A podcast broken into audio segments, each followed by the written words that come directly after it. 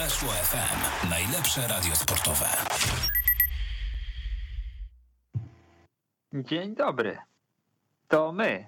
To był dżingiel, a teraz jesteśmy my. To jest audycja w mieście Łodzi. Ja jestem Jakub Polkiewicz, a po drugiej stronie słuchawki jest Leszek Milewski. Przynajmniej mam taką głęboką nadzieję, bo się w sumie nawet nie przywitaliśmy przed anteną. Jestem, jestem Kuba. Siemanko. No, czyli jesteśmy obaj. Czyli w takim razie cała załoga w mieście Łodzi, bo jest z nami też realizator, który nas tutaj wpuścił na antenę. Jest już w komplecie. Wcale nie dlatego tak przedłużam rozpoczęcie audycji takim pustym pustosłowiem, że mi się nie chce gadać o meczach, ale trochę tak, w sumie nie chce mi się gadać za bardzo o meczach, dlatego że łódzki klub sportowy nie wygrał, widzę wygrał, więc wiecie jak to jest. No, bywały lepsze weekendy dla mnie niż ten.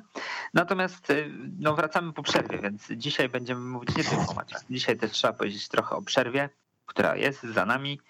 E, I była to przerwa taka no, dosyć dobra dla, dla klubów z Łodzi, bo mm, chciałem wyjść od tego w ogóle, że Szymon Janczyk we wczorajszym programie Weszło Polscy, e, czyli jeden z najlepszych ekspertów pierwszoligowych w Polsce. Takie, takie jest moje zdanie, dlatego że Szymon ogląda wszystko, ma doskonały wielki notes, gdzie ma wynotowane nawet e, kluczowe podania wszystkich zawodników e, w pierwszej lidze. E, no jest, jeśli miałbym komuś powierzyć życie, jeśli on by występował na przykład w quizie wiedzy o pierwszej lidze, to bym wytypował właśnie Szymona, żeby o moje życie walczył w, takim, w takiej konkurencji. Mm, no i Szymon wytypował, że awans zdobędzie łódzki klub sportowy oraz Widzew Łódź. I Leszek, powiedz, co ty sobie pomyślałeś, jak zobaczyłeś to? No, muszę przyznać, że jako urodzony defetysta, zawsze widzący tylko negatywne scenariusze wszelkich historii, w które jestem w jakikolwiek sposób zaangażowany emocjonalnie, pomyślałem, że no nie.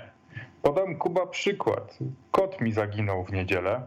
Ja już zdążyłem się z nim pożegnać. Tymczasem się znalazł. I właśnie tak jest w moim życiu. I być może będzie podobnie z Widzewem, że ja patrzę na początek sezonu i nie widzę tego. Bo nawet jeśli szanuję piłkarzy, szanuję projekt, to jestem sceptyczny zawsze, gdy ma dojść do spektakularnych sukcesów, a spektakularnym sukcesem jest awans do ekstraklasy, a w przypadku Widzewa powrót do tejże ekstraklasy po niebywałych, e, po niebywale długich, długim okresie. Więc osiągnięcie spektakularnego sukcesu tuż po rewolucji, to po prostu jakoś mam umiarkowaną wiarę do, do takich do takich projektów jest to w pewnym sensie mało, mało logiczne, więc e, to była jak moja pierwsza myśl. No, natomiast no, mecz z Sandecją no, był dobry. Tam rzeczywiście sporo rzeczy funkcjonowało, to się fajnie oglądało, także no, nie wiem, no, niektóre z tych transferów, które przyszły, e, też jakby budzą moją nadzieję, więc na razie powiedzmy, że ustawiam swój status na zaciekawione, a to już jest całkiem sporo. No, muszę potwierdzić, status zaciekawiony to u ciebie taki, można powiedzieć, że szczytowy nawet, jeśli chodzi o, o taki, no nie ale o podejście do nadchodzących wyzwań, które mogą się zakończyć źle. I zresztą ja mam podobnie, bo też y, zakładam generalnie, że wszystko skończy się jak najgorzej y, i znowu derby będą w pierwszej lidze. Natomiast jeśli miałbym odsiać taki swój kibicowski defetyzm, to wydaje mi się, że Szymon e, miał argumenty, e, kiedy, kiedy typował właśnie te dwie drużyny do, do awansu bezpośredniego do ekstraklasy, dlatego że faktycznie jeśli spojrzy się na, na, na to okienko, które jest za nami, jeśli spojrzy się na to w ogóle, na całokształt tego, co działo się, mm, chciałem powiedzieć zimą, e, latem oczywiście, co się działo w przerwie między, między sezonami i w ŁKS-ie i w Widzewie, to wydaje mi się, że to są faktycznie takie kluby, które z jednej strony najmniej się osłabiły, Czyli no, nie ma praktycznie żadnego drenażu talentu ani, ani z ŁKS-u, ani z Widzewa, a jednocześnie te wzmocnienia są najbardziej przekonujące i, i są też na pozycjach, gdzie, mm, gdzie były największe braki. No bo tak naprawdę muszę przyznać, że jak, jak spoglądałem sobie na to okienko w wykonaniu e, Widzewa, no to Łukasz Stupka bardzo urósł od razu w moich oczach, bo miałem pewne wątpliwości. Jak sobie mm, poradzi. Znamy się. No, był u nas nawet w, w quizie, więc, więc mogę powiedzieć, że się znamy, że parę razy nawet wymienialiśmy jakieś opinie dotyczące piłki nożnej. No i zastanawiałem się, czy on z miejsca poradzi sobie z, i trochę z ciężarem oczekiwań, który jest Widzewie, ale też z budżetem, który jest Widzewie, bo czasem taki przeskok e, nie zawsze jest e, udany dla, dla dyrektorów sportowych, czy ogólnie kadry zarządzającej, natomiast no, to okienko jest bardzo obiecujące i tak naprawdę patrząc sobie na, na Juliusza Letniowskiego, patrząc sobie na e, Karola Danielaka, e, czy, czy nawet e, Techa, który Kuba. wydaje mi się, no. To może nazwisko po nazwisku sobie przerobimy i taka będzie pierwsza część programu i w Widzewie i w ŁKS-ie.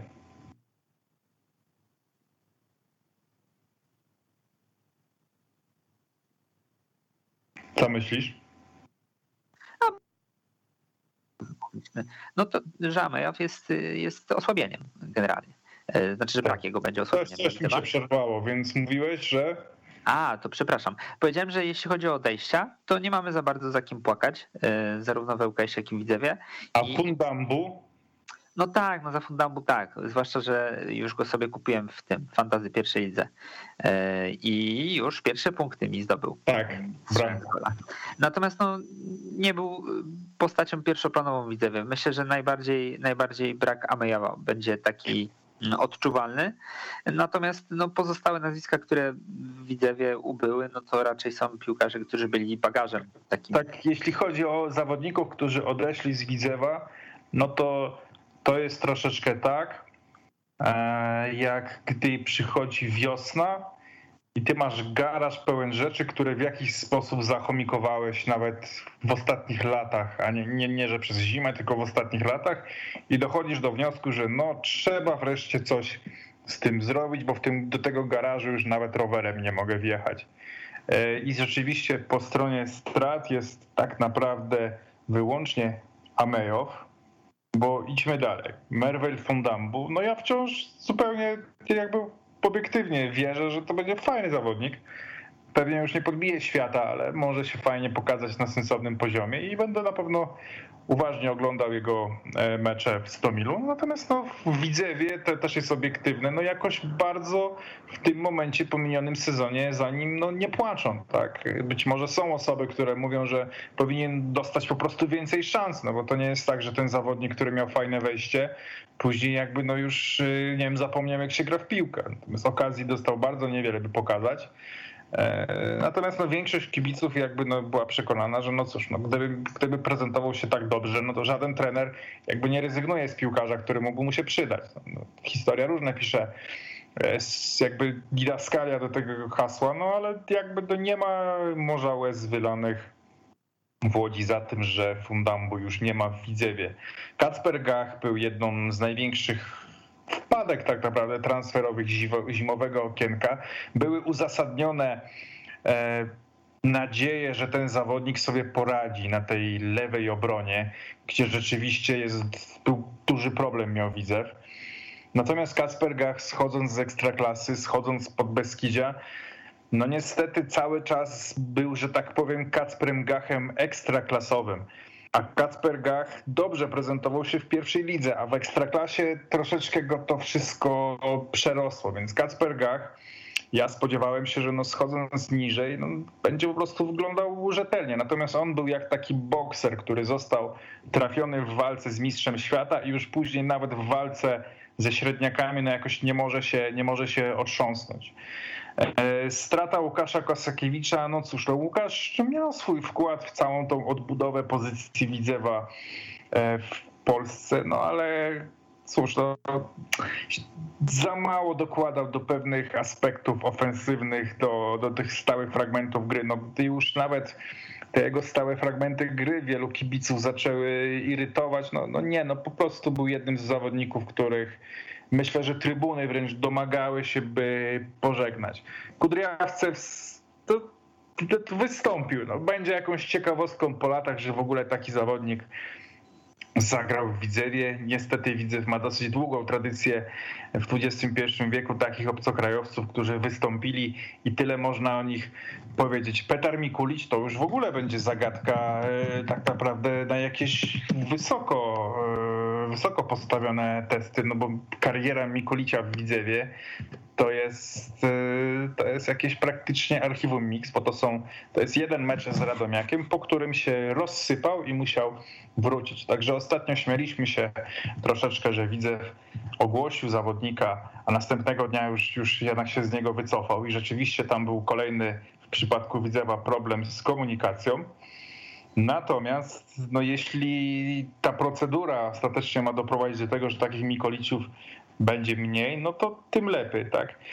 Powiedz Kuba, czy chciałbyś teraz, bo ja tak mówię i mówię, o no Możdżeniu i Robaku. Właśnie o Możdżeniu i Robaku ja później dokończę jakby. W ten taki, taki trójkąt bermudzki. Mateusz Możdżeń, Bartłomiej Poczobut, Marcin Robak. Znowu cię nie słychać, Kuba. No więc Zobacz. ja powiem dalej. Bramka... jak naprawdę mnie nie słychać? No naprawdę cię nie słychać, przynajmniej u mnie. Nie wiem co naturalizator, ale ciebie nie słychać. O rety, to muszę się tutaj trochę ten przenieść. Poczekaj. To ja dalej mówię o Widzewie w takim układzie, ty spróbuj coś poprawić. Więc Miłosz Mleczko, bramkarz. No cóż, no to nie był bramkarz, który wzbudzał jakieś wielkie zaufanie ze strony widzewskiej braci. Myślę, że miewał mecze przyzwoite, no ale został całkowicie jakby e, zakasowany, jeśli chodzi o pozycję w Widzewie przez e, węglarza. No i trudno się spodziewać, żeby miał jakieś realne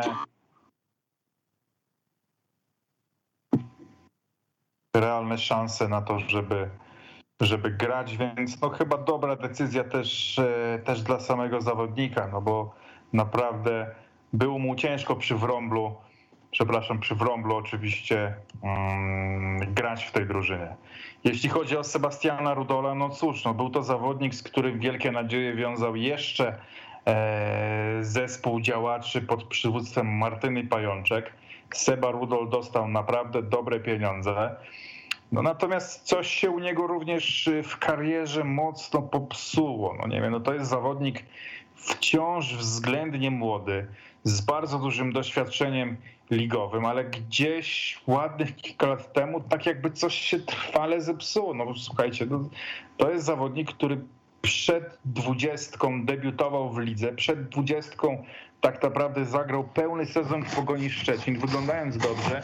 No wydawało się, że ta kariera stoi przed nim otworem, wręcz na jakimś takim fajnym poziomie w Europie. Nie mówię, że jakimś topowym, ale jakiś taki przyjemny transfer Obecnie jest sporo takich transferów młodych polskich piłkarzy do Ligi Włoskiej, Serie B na przykład, tak?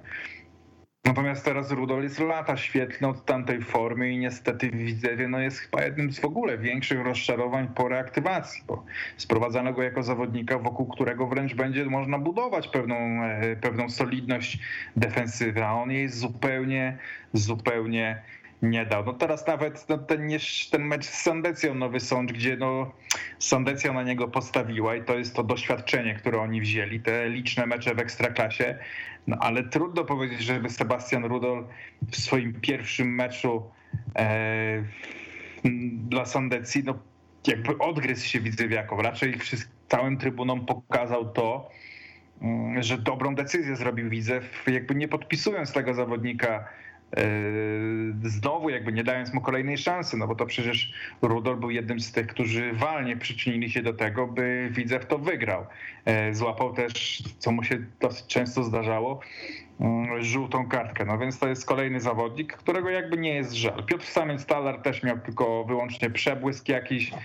No, można podyskutować na pewno o Bartku Poczobucie. No, natomiast no, tutaj jest jakby decyzja mm, nowych władz, nowego sztabu, trzeba ją uszanować. Na pewno Poczobut był zawodnikiem, który rozwijał się, gdzieś pokazywał też inne oblicze. I, I, ten piłkarz wydaje się, że mógł coś jeszcze dać Widzewowi na swojej pozycji. E, naprawdę miewał Bartek również mecze, kiedy potrafił się fajnie włączyć do przodu, zagrać dobrą piłkę, także no gdzieś, gdzieś się otwierał. Nie zdziwi mnie zupełnie, jeśli stanie się bardzo mocnym punktem Stali Rzeszów. Więc jest to pewna, pewny znak zapytania, czy, czy, czy ten piłkarz jeszcze nie mógłby dać czegoś widzewowi. No natomiast tu są jakby, jest inny kierunek, są opcje. E, no jeśli Bartek Poczobut jest zastępowany przez Abdullah Aziza Tetecha, no to jest jednak w warunkach pierwszoligowych wymiana, na którą chyba widzewiacy po prostu przystaną. Także to, jak mówię, Możdżel i Robak, no cóż, Robak, wiadomo, legenda, no ale to, to, musiało już po prostu iść w takim kierunku, musiało się coś zmienić, chyba, chyba nie ma tutaj większych wątpliwości. E, jeśli chodzi o Mateusza Możdżenia, no to cóż, no to on jest symbolem, no pomógł, pomógł na pewno, ale no zostanie też symbolem pewnego marazmu. E, tak mi się ostatecznie wydaje. Marcin Robak, cała wiosna to jest jeden gol z rzutu karnego. No więc jakby nie bronić jego charakteru, no to jednak widzę, potrzebuje napastnika, który strzela bramki. No a Marcin, zastanawiam się, co, co będzie z nim dalej. To jest piłkarz, którego myślę, że wciąż gdzieś ktoś może znaleźć i, i znaleźć dla niego fajną rolę. Cały czas na poziomie, na szczeblu e, centralnym, więc bardzo się zastanawiam, co dalej z Marcinem? Ja myślę, że on zawsze, e, zawsze będzie mógł wrócić myślą nawet do tych dwóch lat i, i powiedzieć, że zrobił kawał dobrej roboty. Nawet w tym minionym sezonie, jeśli tych bramek nie było może tak szalenie wiele, e, no to jednak były mecze, kiedy Marcin dawał pewien impuls, kiedy wchodził, kiedy brał na siebie ciężar. Na pewno też nie jednemu młodemu zawodnikowi e, pomógł jakby po prostu gdzieś rozwinąć swój warsztat. Także no, ja się zupełnie nie dziwię tej decyzji. Tak, słuchajcie. Rozumiem, że mnie słychać teraz. Tak, już cię słyszę, Kuba. A, uporałem się. Kurczę, a nie było słychać, a tak pięknie sobie to ułożyłem w głowie, że właśnie Możdżeń, Poczobut i Robak są nawet alfabetyczni na 90 minut i wydaje mi się, że to jest taki trójkąt, który symbolizował ten starszy widzew. I w sumie nawet chciałem cię o to zapytać, czy uważasz, że właśnie Widzew tak dosyć mocno skręcił z tej ścieżki wykorzystywania tego typu zawodników, którzy wiesz, mają nazwisko, kiedyś strzeli gola Manchesterowi City i tak dalej, więc teraz na pewno zrobią awans?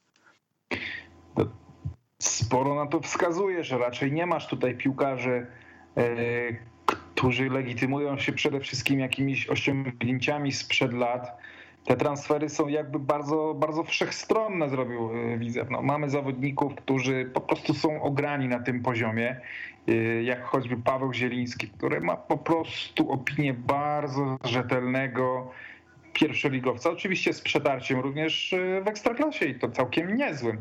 Natomiast to przede wszystkim ostatnio kojarzy nam się jako bardzo dobry piłkarz na ten poziom. Gdzieś ta kariera Pawła Zielińskiego sprawiła, że no nie gra wyżej, nie gra w ekstraklasie, nie zabijano się o niego na przykład po, po spadku miedzi, e, ale uważam, że na pierwszą ligę to jest naprawdę jeden, może nie z lepszych, no naprawdę bardzo solidna opcja na pierwszoligowe granie. Karol Danielak uważam, że również e, Myślę, że każdy, kto uważnie oglądał Ekstraklasy w minionym sezonie, też może powiedzieć, że no Danielak nie był w top problemów Podbeskidzia. To, to nie przez Danielaka spadło e, Bielsko z ligi. Myślę, że był to zawodnik, który potrafił dać zryw, potrafił dać dribbling, potrafił troszeczkę rozerwać defensywę rywala.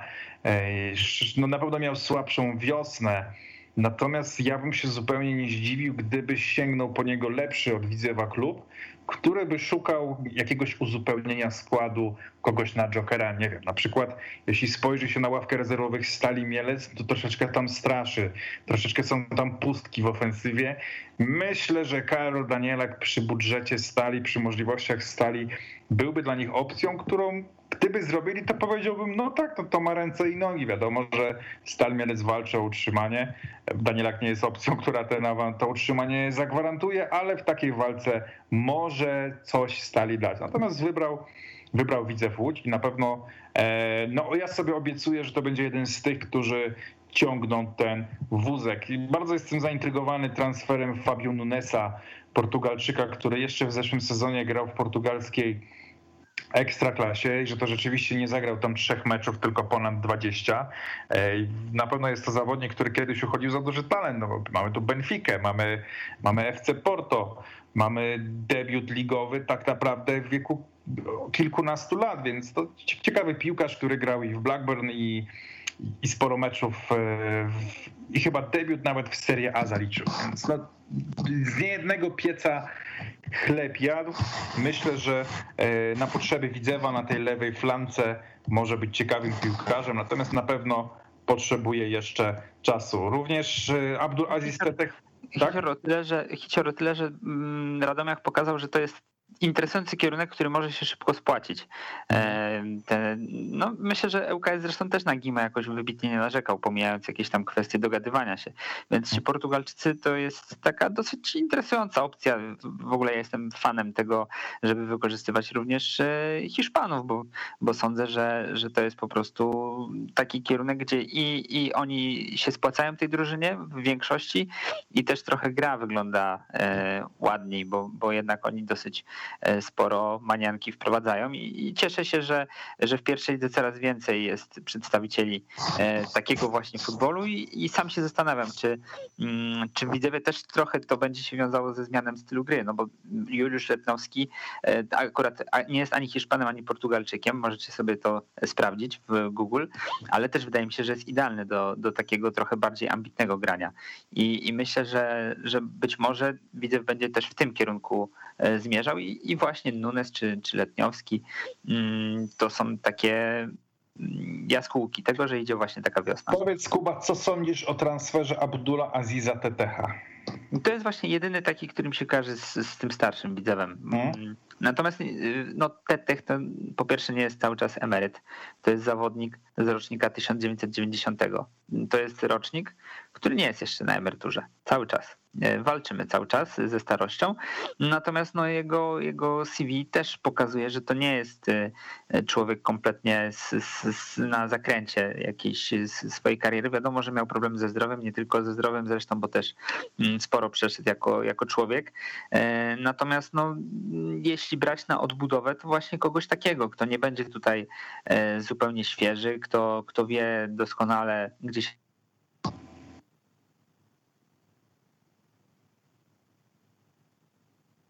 Znowu chyba cię nie słychać.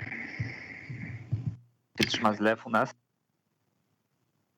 Więc moja opinia na temat Abdulazja TTH jest taka, że e, no mamy jednak wątpliwości, no bo ja rozumiem, że to jest piłkarz, który w pewnym momencie no, rozegrał pełny sezon w Dinamie Moskwa, który grał w Lechu Poznań na poziomie być może dla niektórych tak rzec kontrowersyjnym, bo to był zawodnik, który kojarzył się z wielką dozą agresji, e, ale no jednak ogarniał na tym poziomie i myślę, że wielu kibiców Widzewa wręcz chciałoby takiego piłkarza jak Abdulaziz Tetech, nawet jeśli czasem kibice rywala będą narzekać na nadmierną agresję tego piłkarza to jednak abstrahując od pewnych na pewno skandalicznych fauli, które zdarzały się Azizowi w Lechu, no to jednak były też mecze, kiedy wykonywał prawdziwie mrówczą pracę, harował na całej długości boiska i był po prostu bardzo nieprzyjemny dla wielu zawodników.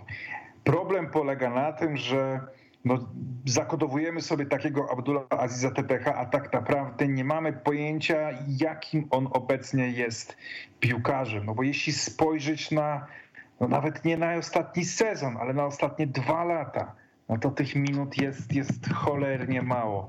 E, no, ostatni tak, sezon jest absurdalny, prawda?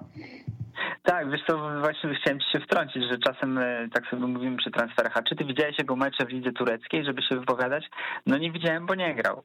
I dlatego to jest, to jest pewien, pewien znak zapytania. No, patrząc na, na to e, też, jak wygląda ten Hiszpan testowany, mm, który też wraca po, po kontuzji. Mm, no i w Ekstraklasie mieliśmy teraz też przykład zawodnika e, Morica Leitnera bodajże, gdzie też najpierw był mhm. przymierzany do Legii, potem do Rakowa, e, że CV super, e, wiek wcale nie taki tragiczny, ale no jednak dosyć długa przerwa w graniu, która no, zostawia dosyć spory ślad. Natomiast no, kończąc swoją myśl, która, która niestety została mi przerwana brutalnie przez mój sprzęt tutaj, bardzo e, nie, niezaawansowany i przez mój mikrofon, który kompletnie nie działa dzisiaj, no to mm, jeśli robić powroty, to właśnie tego typu, bo jak zawsze patrzę przez, e, przez palce na tych takich wiesz, że o, no zresztą dzieliłem się z tobą tymi, tymi swoimi przemyśleniami, że Quintana w Jagiellonii, że wcześniej Czernych, że to takie, bo oni super grali, wracają, teraz znowu będą strzelać, asystować, że zawsze trochę tutaj traktuje to z przymierzeniem oka. Tak jeśli chodzi o TTH, to, to trzeba pamiętać, że on wraca na poziom pierwszej ligi. E, z, z poziomu, no nie mówię ligi rosyjskiej, ligi tureckiej, bo, bo, bo tak jak wspomniałeś, on tam za wiele ostatnio nie grał, ale jednak no to są cały czas y, kluby, gdzie, gdzie tak naprawdę myślę, że rywalizacja na treningach może przynieść więcej niż czasem rywalizacja meczowa tutaj u nas e, na, na zapleczu Ekstraklasy, więc TTH na pewno mnie skreślał i mm, mimo, że z tych transferów wydaje mi się mm, najbardziej taki ryzykowny, może się okazać flopem, no to jednak, e, jednak na pewno e, dobrze, że wideo po prostu jest. Zwłaszcza, że akurat jeśli chodzi o, o defensywnego pomocnika, to nie sądzę, żeby tutaj TTH jakoś mocno zagubił swoje, swoje walory. Mhm. To jeszcze dodam, Kuba, że tylko, że opinii na temat Tomasza Dajewskiego nie mam. Poza nim przyszło, przyszli młodzi Gołębiowski, Karasek i Guzdek. Myślę, że e, są uzasadnione nadzieje, że oni odpalą. Natomiast przejdźmy już do UKS-u. Dobrze, mm, dziękuję bardzo za przejście do UKS-u po tym, jak już mi działa sprzęt, więc teraz mogę spokojnie sobie mm, mówić. Jeśli chodzi o UKS, to przede wszystkim trzeba mm, pamiętać, że znowu nie ma zbyt wielu odejść i to jest coś, co mnie bardzo cieszy, bo muszę przyznać, że spodziewałem się, e, może nie rewolucji, ale spodziewałem się, że zmiany będą dosyć e, głębokie. Z tego względu po prostu, że UKS y, bardzo pewnie szedł potem ekstraklasy w pewnym momencie. Mm, wydawało się, że już pewnie też jakieś wzmocnienia, które, mm, które poczynił zwłaszcza zimą, czyli Mikel Rygard i Ricardinho, to jest e, koszt taki, że będzie dość ciężko ich po prostu w Łodzi utrzymać. Natomiast tutaj rozpoczyna się okienko transferowe. Właściwie jeszcze się nie, nie rozpoczynają przygotowania. UKS dopina mm, no, kilka naprawdę efektownych transferów, bo e, Bartosz Szeliga z, z GKS-u Tychy to jest moim moim zdaniem no, bardzo taki konkretny transfer, jeśli chodzi o, o te transfery z pierwszej ligowca do pierwszej ligowca, mm, bo swoją dyspozycją w Tychach e, Szeliga no, na pewno udowodnił, że gdzieś do tej ekstraklasy będzie pukał i wydawało mi się, że właśnie być może jakiś Beniaminek mm, by się skusił, być może właśnie Stalmier, którą też przywołałeś, e, że, że jednak Szeliga po takim sezonie mm, uzyska awans w przeciwieństwie do GKS-u Tychy. No i te zagraniczne nazwiska, które też mnie e, trochę zaskoczyły, bo po prostu się ich nie spodziewałem. E, dlatego, że i Nacho Monsalve, e, i Javi Moreno, i Stipe Juric to są zawodnicy, których i CD i ostatnie sezony mm, no, nie wyglądają źle, a, a przychodzą do UKS-u, który wydawało mi się, że będzie trochę bardziej tryb oszczędnościowy włączał w tym sezonie. E, to, to mnie po prostu zadziwiło i pozytywnie zaskoczyło, zwłaszcza, że nie było przy tym żadnej wyprzedaży. Właściwie jedyne takie odejście, które chciałbym omówić i, i nad którym warto przysiąść, no to jest Carlos Moroz Gracia, e, ponieważ uważam, że to był no chyba najlepszy stoper UKS-u w ubiegłym sezonie, mm, który wiadomo narzekano trochę na jego warunki fizyczne, na jego wzrost zwłaszcza, ale on mu nie przeszkadzał, bo ilekroć sprawdzałem statystyki pojedynków główkowych, to, to Gracia wcale nie wyglądał dużo gorzej od e, o głowę wyższego Macieja Dąbrowskiego, więc, więc zawsze starałem się go bronić przed, przed takimi atakami. No i zresztą kolejny jego pracodawca, Mialbi, e, trochę pokazuje, że, że, że Gracia jest po prostu ceniony przez tych, którzy, którzy jego przygodę śledzą. Natomiast e, jak gdy tylko się pogodziłem z tym, że Gracia odchodzi, no to jeszcze dodatkowo dostałem prezent w postaci Monsalve, czyli stopera, zdaje się, że dość podobnej charakterystyce, jeśli chodzi o grę piłką, jeśli chodzi o wyprowadzanie. Mm, no, narodowość też się zgadza, a do tego, no, na co jednak zdecydowana przewaga wzrostowa. To jest dość mocne podwyższenie tego bloku, bloku defensywnego. E, no i podwyższeniem bloku defensywnego jest też bez wątpienia Marek Kozioł. I, i na, to, na to, że właśnie wreszcie będziemy mieć w miarę spokój na, na przedpolu, czy chociaż na, na polu bramkowym, jak twoim zdaniem Marek Kozioł wyglądał w zeszłym sezonie? No bo ja pamiętam go z sezonu spadkowego dla Korony, kiedy wszyscy zastanawialiśmy się, w którym klubie Ekstraklasy Kozioł znajdzie zatrudnienie. Natomiast on przegapił wówczas tą swoją szansę na pozostanie w lidze. Myślę no, trochę na własne życzenie, bo wierzył, że koroną, po prostu w koronie coś ciekawego się wydarzy. Trochę się przeliczył, ale czy rzeczywiście to jest cały czas ten Marek Kozioł, którego kojarzyliśmy, czy, czy coś, coś się zepsuło w zeszłym sezonie?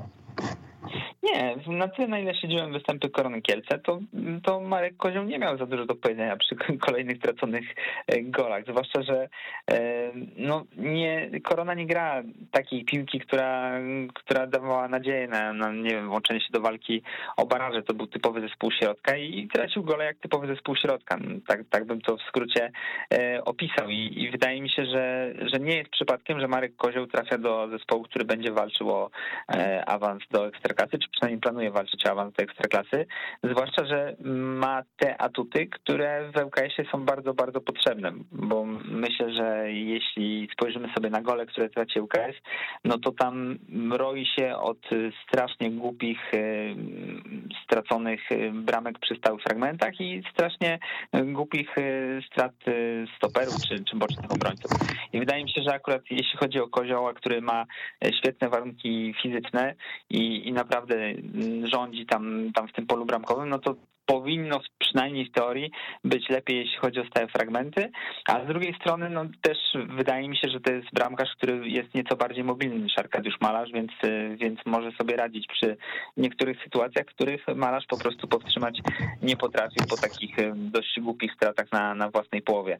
Natomiast no, trzeba przyznać, że z GKS-em Tychy mógł zachować się lepiej przy, przy tym golu i tu właśnie to, co postrzegaliśmy jako jego zaletę, że będzie gdzieś tam wychodził, odklejał się od linii bramkowej, no ostatecznie przyniosło gola dla, dla Tyszan, bo, bo Wołkowicz świetnie to zmieścił pod ladą, wykorzystując to, że Kozioła w bramce nie ma. Natomiast no, mimo wszystko wydaje mi się, że jeśli z duetu Arndt-Malarz wskakujemy na poziom Kozioła, to jest to raczej wzmocnienie niż osłabienie. I podobnie postrzegam też właśnie e, Nacho Monsalve.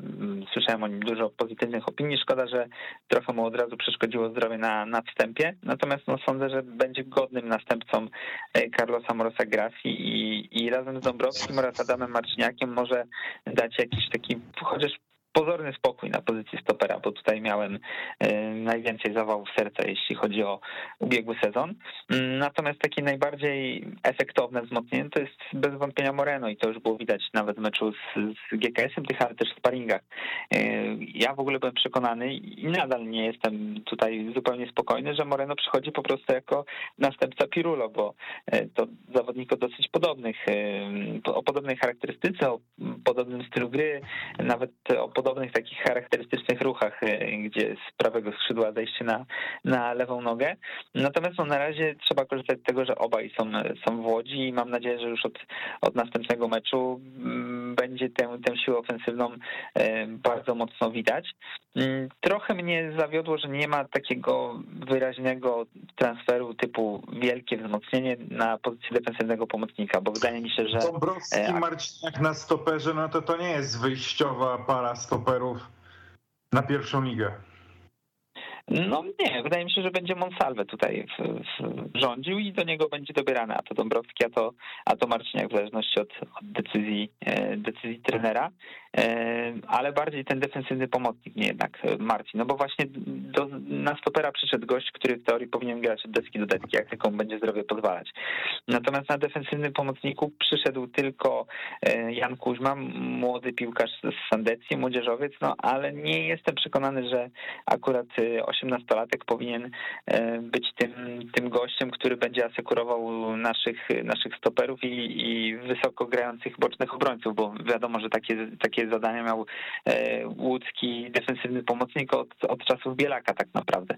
Więc myślę, że, że jeśli chcielibyśmy Kuźmę na e, tak wysokiego konia wrzucać od razu, no to nie jest to pomysł, który nam gwarantuje wielki spokój w, środku pola.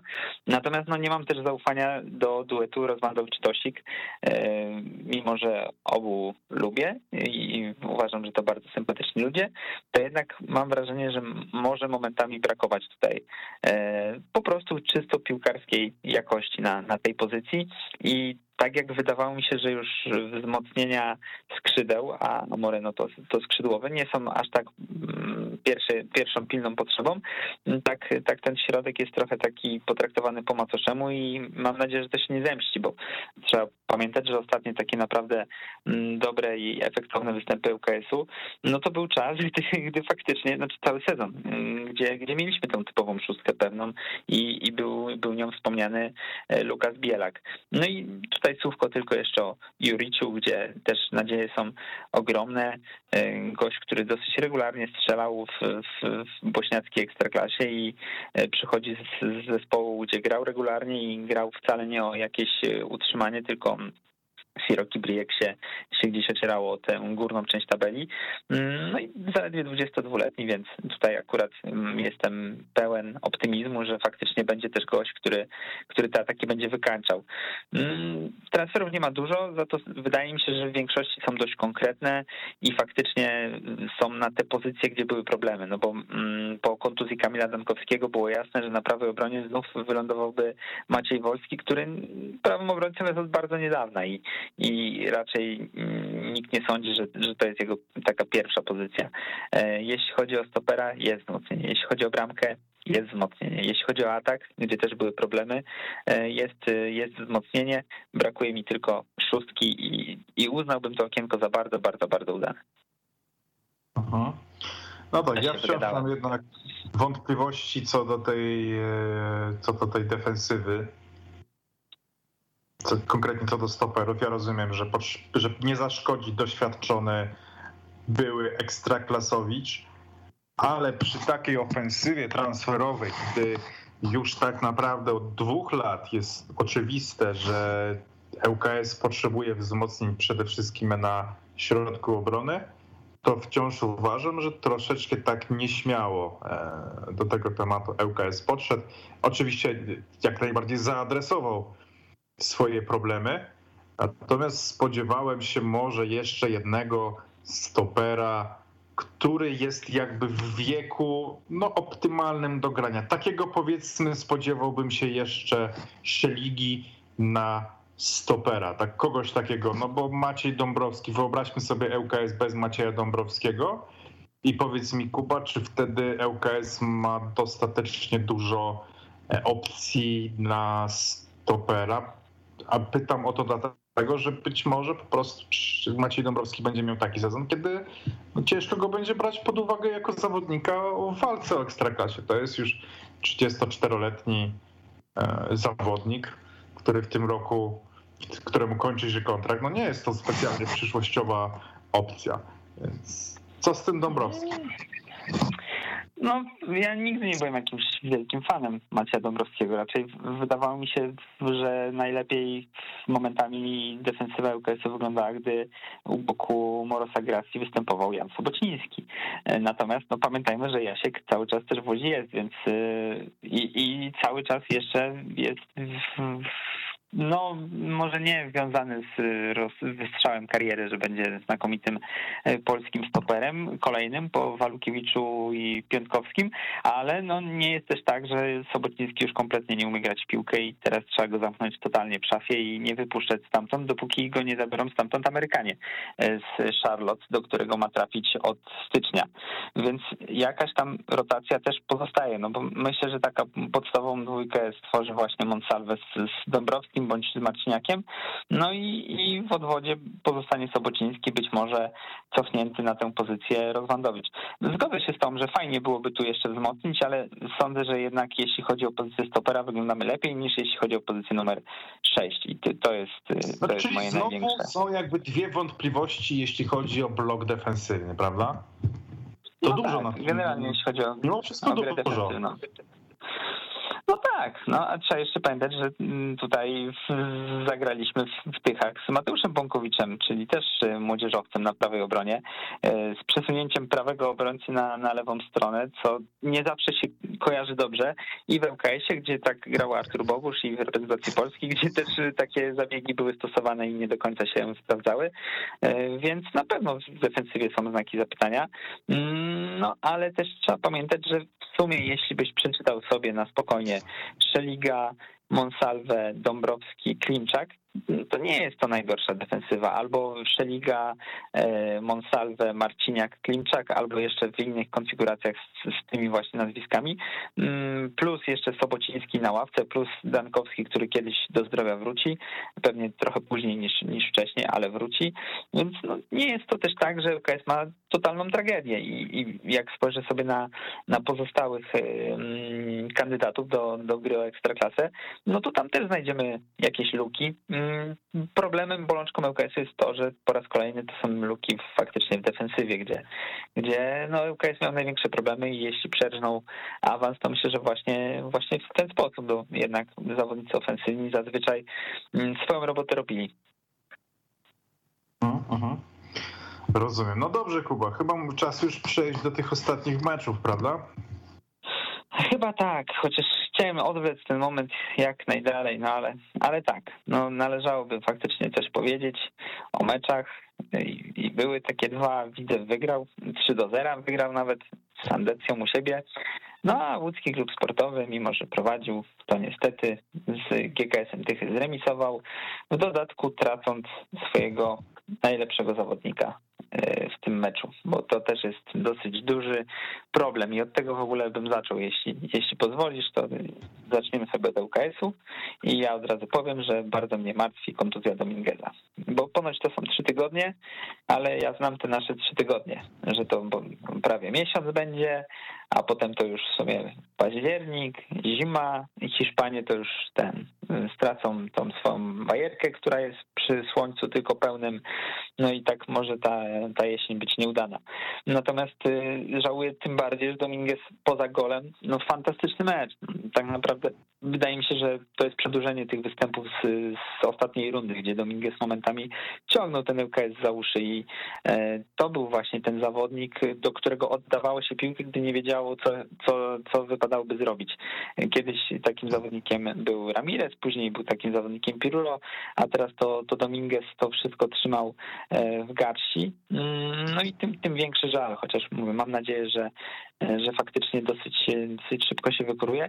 No a być może jego nieobecność wykorzysta Mikkel Rygard w końcu, na którego też bardzo mocno wszyscy czekają. Mm, natomiast co do samego meczu, no, wróciły trochę stare demony, ale z drugiej strony wolę te stare demony niż, niż demony, które w Łodzi występowały za kadencji Reneusza Mamrota, bo trzeba przyznać, że UKS miewał takie momenty, kiedy dochodził do, e, do tego muru złożonego z Tyszan i nie wiedział, jak tu dalej e, uderzyć. Natomiast e, z drugiej strony było już więcej strzałów z dystansu, było więcej dynamicznych ataków, nie było takiego bezproduktywnego trzymania utrzymania piłki.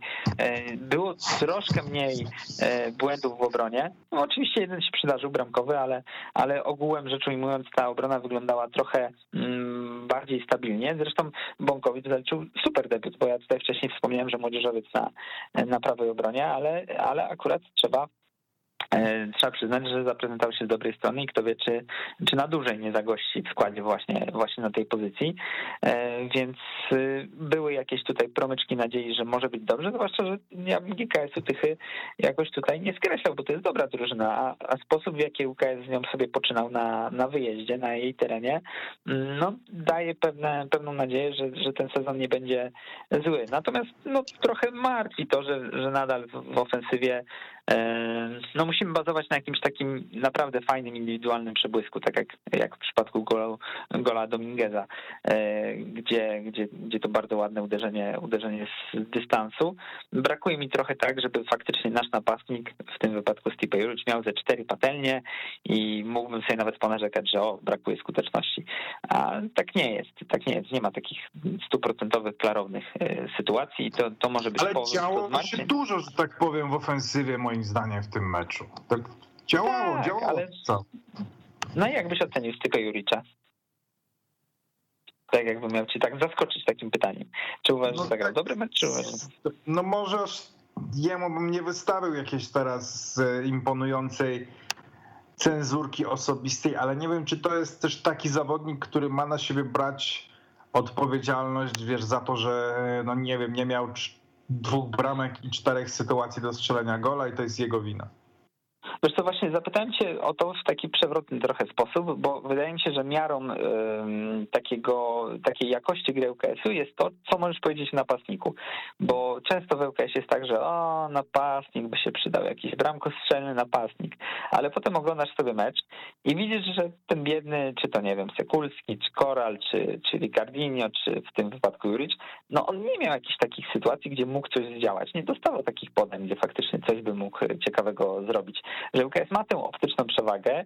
E, faktycznie w poszczególnych regionach boiska wypracowuje sobie, e, sobie jakieś, jakieś takie zalążki akcji ofensywnych, ale tak, żeby można było powiedzieć, jak na przykład o Tomczyku parę, parokrotnie widzę, że gdyby był lepszy napastnik, to byśmy wygrali kilkoma golami, no to nie, bo nie przypominam sobie, żeby Juricz coś spektakularnie zmarnował na przykład, a to oznacza, że nie miał też zbyt wielu takich okazji, nie wypracowała mu linia pomocy zbyt wielu takich okazji.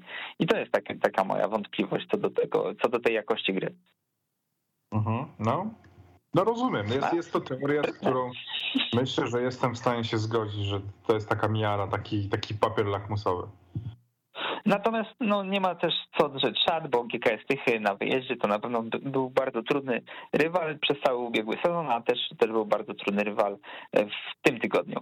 I myślę, że nad meczem UKS nie ma co się tutaj dłużej rozkliwiać. Przejdźmy do Widzewa, bo tutaj też można parę ciekawych rzeczy powiedzieć o tym meczu. Na pewno e, trzeba przyznać, że to jakby od samego początku funkcjonuje. No, ja zawsze, gdy, gdy, jest nowy projekt, czyli też trener, czyli no, szereg nowych piłkarzy, przecież widzę, zadebiutowało siedmiu zawodników y, w tym meczu, mamy nowego trenera, no to pamiętamy jak to wyglądało rok temu z Enkeleden Dobil. Te porażki Widzewa niosły się, że tak powiem, po Polsce. No jeśli spojrzało się na to chłodnym okiem, no to trudno, żeby one jakoś specjalnie zaskoczyły. Mówiliśmy o drużynie która wchodziła do ligi w słabym stylu, która miała nowe, nowe karty, że tak powiem, pod praktycznie każdym względem, więc trudno było liczyć, że to jakoś niesamowicie będzie wyglądać. Tutaj mamy sytuację do pewnego stopnia analogiczną, bo Janusz Niedźwiedź odziedziczył drużynę z wieloma problemami, z pewnymi oczywiście elementami, na których można budować, ale ja mam takie wrażenie, że no w każdej pierwszoligowej drużynie znajdziesz jakieś elementy, na których możesz budować, które trzeba jakoś opakować. Tamten widzew, który awansował i rok temu tak fatalnie zaczął, również nie był całkowicie przecież pozbawiony zawodników, których nie chciałby u siebie ktoś nawet lepszy od widzewa. E, natomiast tutaj od razu widzimy drużynę naprawdę fajnie działającą, która wygrywa efektownie, wygrywa przekonująco, wygrywa zasłużenie. Mm, oczywiście Sandecja też miała swoje sytuacje, no ale chyba nikt nie ma wątpliwości, że no, Widzew był dużo lepszy. Tak naprawdę, gdyby wygrał tutaj 5-6-0, to po prostu mógł tyle wygrać. Nie powiem, że to byłoby zasłużone zwycięstwo, że na tyle zasługiwał w tym meczu, że na na zwycięstwo 5-0, ale mógł tyle wygrać. Te, te liczba sytuacji w końcówce, e, szanse Pawła Tomczyka kolejne, znowu zmarnowane, ale no jednak tutaj bardzo wydatnie pomógł przy ich kreacji, więc też jakoś, a może odpocząłem od Pawła Tomczyka i to sprawia, że mam jakieś takie spojrzenie na niego bardziej przychylne. W każdym razie to, co zmarnował, jakoś bardzo mnie nie zabolało. No też wynik był taki, że mógł sobie pozwolić na zmarnowanie sytuacji, ale też fajnie, fajnie pomagał. Była świetna okazja, świetna akcja e, młodego zawodnika Karaska, więc to, co wspomnieliśmy o tych, nie, nie Karasko, tylko Karaska, no ale Niech będzie i Karasek, szczególnie jeśli ma pokazywać takie akcje jak w tym meczu. E, no i myślę, że to, co trzeba też bardzo mocno podkreślić, to stałe fragmenty w Widzewie. To naprawdę było mnóstwo pomysłowości, mnóstwo kreatywności przy tych stałych fragmentach. Oczywiście nie wszystkie zostały wyegzekwowane idealnie, ale trudno, żeby były. Natomiast jak na tą pierwszą, taką miałem myśl, że a co jeśli najlepszym piłkarzem Widzewa w tym sezonie zostanie stały fragment gry?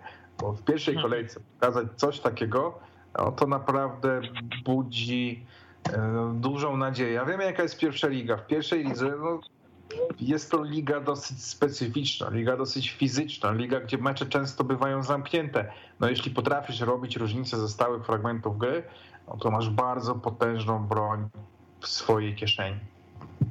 Nie, no muszę przyznać, że ja byłem naprawdę zaskoczony tym, jak, jak fajnie to zrobili przy, przy golu.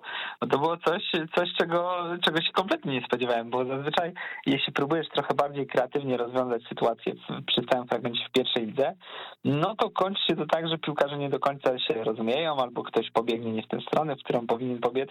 W, naj, w najlepszym wypadku po prostu bramkarz rywali rozczyta zamiary i wyjdzie i sobie pewnie złapie tę piłkę. A tutaj było wszystko idealnie zrobione. Zresztą widać było, że i też ten drugi gol po, po dośrodkowaniu, więc sądzę, że faktycznie jakąś tam myśl widać od pierwszej minuty sezonu. Mm, i to jest dobra wiadomość, bo wspomniałeś tutaj o Enkleidzie Dobim i, i o tym ubiegłym sezonie i generalnie o tym, że zazwyczaj jak właśnie dochodzi do takiej rewolucji, no to pierwsze mecze to jest zawsze ta wymówka, że a, bo trochę czasu brakło, bo trochę mało sparingów zagraliśmy, bo jeszcze to oni się muszą dotrzeć, jeszcze nie wiedzą jak mają na imię po kolei wszyscy. A tutaj widać, że chyba noszenie tapszanów było mocno praktykowane, bo, bo wszystko, wszystko zagrało. E, I zagrało na, cały, na, na, na całej długości meczu, bo to też jest dosyć ważne. Nie było takich e, przestojów w grze Widzewa. Nie było takich momentów, gdzie myślę sobie, że o, już oddali inicjatywę albo coś w tym stylu. Nie, tak zagrali typowo jak, jak faworyt ligi powinien grać u siebie e, na własnym stadionie. No i na pewno gdybym sympatyzował z, z Widzewem, to byłbym bardzo usatysfakcjonowany w tym tygodniu. Mhm. Zdecydowanie, zdecydowanie tak.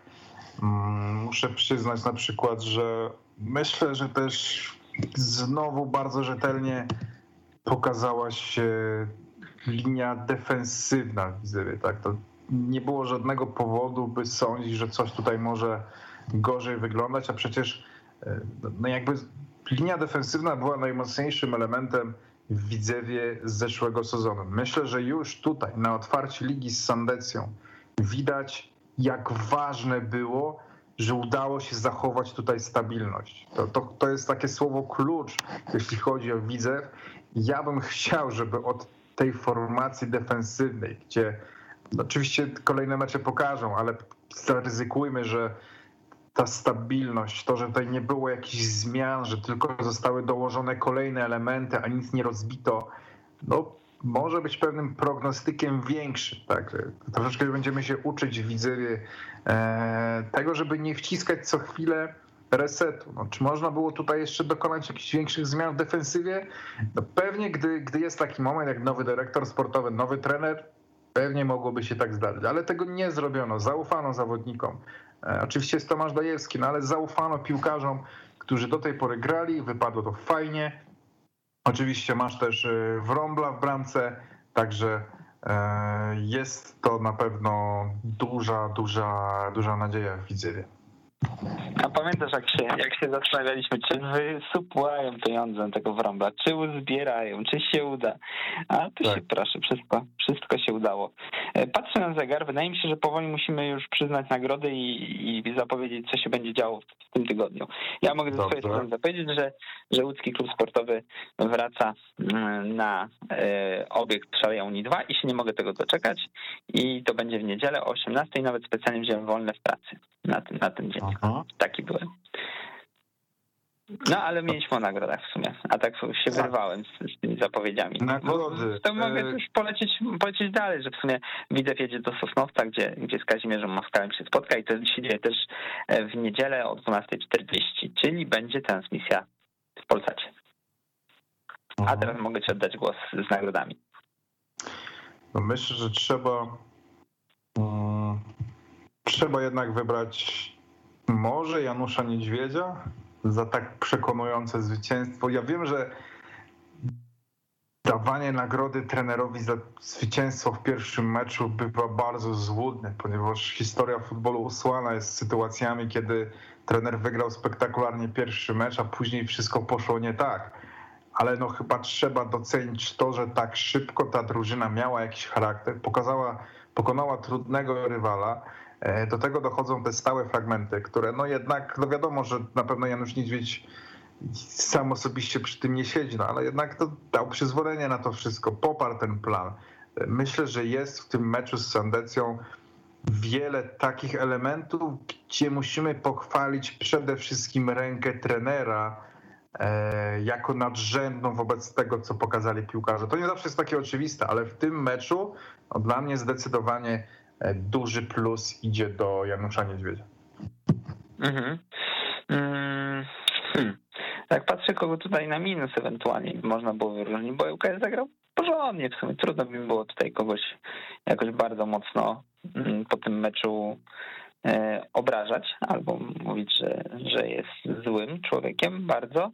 Mm, no nie wiem, być może tak, no nie wiem. Masz jakiś pomysł? Albo, albo może, nie wiem, może ktoś ci inny podpadł z łódzkiej piłki i chciałbyś go wyróżnić na minus.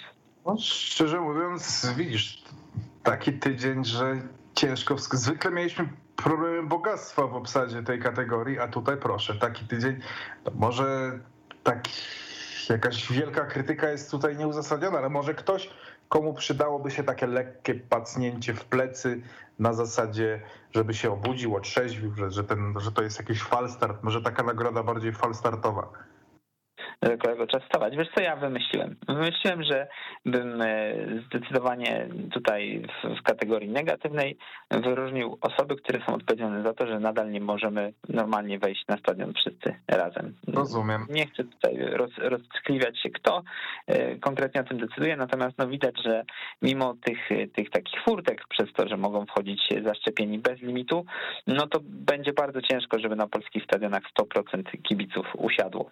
I to jest coś, co mnie martwi, dlatego że no, mm, bardzo poważnie podchodzę do kwestii obostrzeń i, i staram się ich nie ignorować, natomiast jesteśmy na takim etapie, że wydaje mi się, że nikomu by 100% obecności nie zaszkodziło na stadionie, a my mielibyśmy chociaż tę namiastkę normalności przed, przed jesienią, która pewnie znowu będzie taka sobie.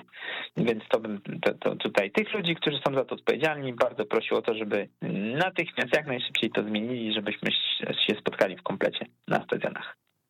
Myślę, że to jest bardzo, bardzo dobra kandydatura i popieram w całej rozciągłości.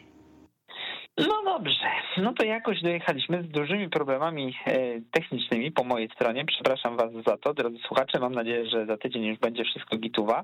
E, no i, i to jest koniec mm, audycji w mieście Łodzi. Widzimy się, znaczy słyszymy się w Tetrykach w piątek o 10. No i się za tydzień pewnie też e, słyszymy, tak sądzę, po meczach, które nadchodzą. Pewnie tak, pewnie tak. Dzięki wielkie Leszek za wspólnie spędzoną godzinę i do zobaczenia Dzięki, jutro. Trzymajcie się słuchacze, trzymaj się. Siemano. Weszło FM. Najlepsze radio sportowe.